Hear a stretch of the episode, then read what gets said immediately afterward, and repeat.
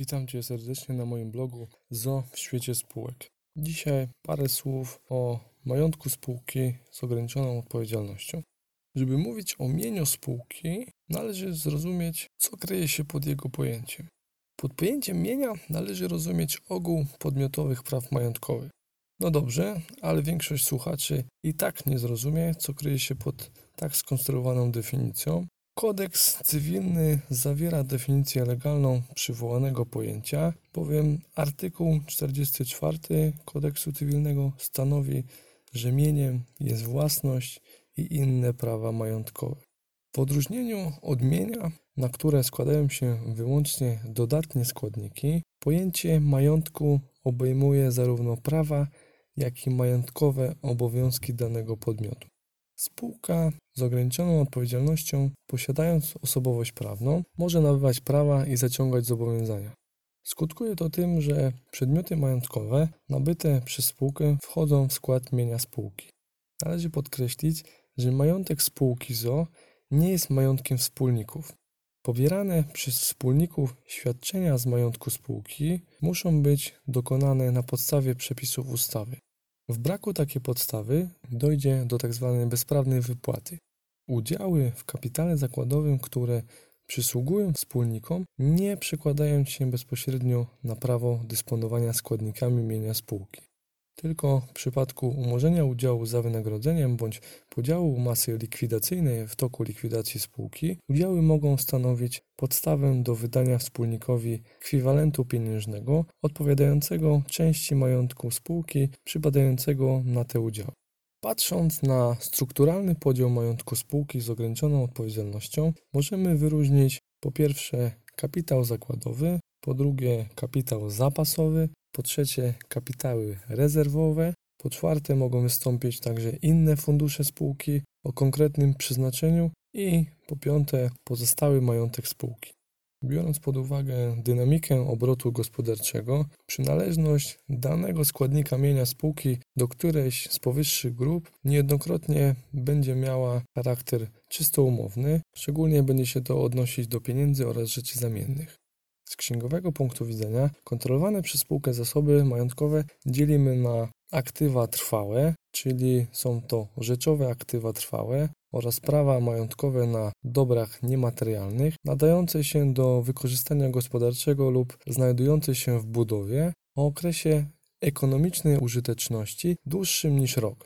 Możemy do nich zaliczyć w szczególności nieruchomości, w tym grunty, prawo użytkowania wieczystego, y, budowle i budynki, lokale będące odrębną własnością, spółdzielcze własnościowe prawo do lokalu mieszkalnego oraz lokalu użytkowego. Ponadto możemy do tej kategorii zaliczyć maszyny i urządzenia, środki transportu i inne rzeczy, ulepszenia w obcych środkach trwałych, żywy inwentarz, autorskie prawa majątkowe, prawa pokrewne, koncesje, licencje, wartość firmy, prawa do wynalazków bądź patentów, wzorów użytkowych czy znaków towarowych, także know-how i należności długoterminowe. Drugą kategorią zasobów majątkowych są aktywa obrotowe, czyli aktywa rzeczowe przeznaczone do zbycia lub użycia w ciągu 12 miesięcy od dnia bilansowego, czyli są to materiały służące do zużycia na własne potrzeby na wyroby i usługi przeznaczone do sprzedaży lub pozostające w toku produkcji, półprodukty, towary nabyte w celu odsprzedaży. Ponadto do grupy aktyw obrotowych zaliczamy także aktywa finansowe, płatne i wymagalne lub przeznaczone do zbycia w ciągu 12 miesięcy od dnia bilansowego i do tej grupy należą aktywa pieniężne, instrumenty kapitałowe, prawo do utrzymania aktywów pieniężnych lub wymiany instrumentów finansowych. Po trzecie, do pojęcia aktyw obrotowych zaliczamy należności krótkoterminowe obejmujące należności z tytułu dostaw i usług oraz całość lub część należności z innych tytułów niezaliczanych do aktywów finansowych, a które stają się wymagalne w ciągu 12 miesięcy od dnia bilansowego i po czwarte, do aktywów obrotowych zaliczamy rozliczenia międzyokresowe trwające nie dłużej niż 12 miesięcy od dnia bilansowego. Jeżeli chodzi o zarząd oraz dysponowanie mieniem spółki, to zgodnie z przepisami organem posiadającym kompetencje do reprezentowania spółki jest zarząd. Nad tym organem ciąży obowiązek sprawowania pieczy nad majątkiem spółki. Oprócz zarządu spółkę mogą reprezentować jej przedstawiciele, czyli m.in. pełnomocnicy, prokurenci, likwidatorzy bądź kuratorzy.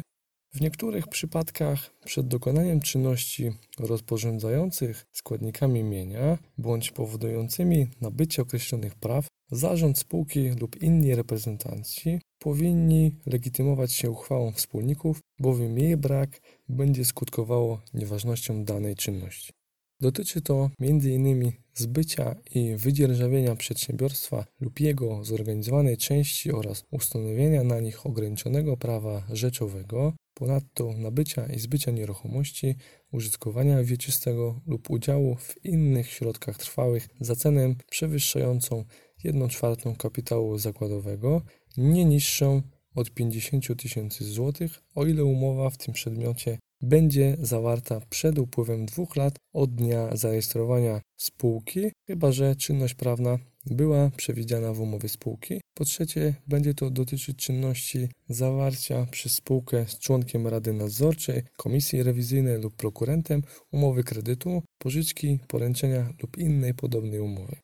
Trzeba wskazać, że istnieje także możliwość uzdrowienia nieważnej czynności prawnej, jeżeli zgoda zostanie wyrażona już po dokonaniu jednej z powyższych czynności, o ile nastąpi to w terminie dwóch miesięcy od dnia dokonania danej czynności.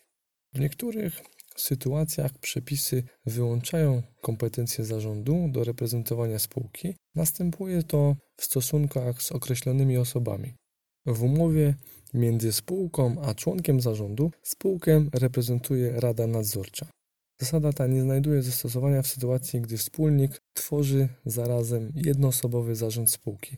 W tym przypadku wspólnik jest uprawniony do reprezentowania spółki przy dokonywaniu czynności z samym sobą, ale czynność prawna wymaga zachowania formy aktu notarialnego. Dzisiaj to już wszystko. Dziękuję za uwagę. Do usłyszenia w kolejnych odcinkach.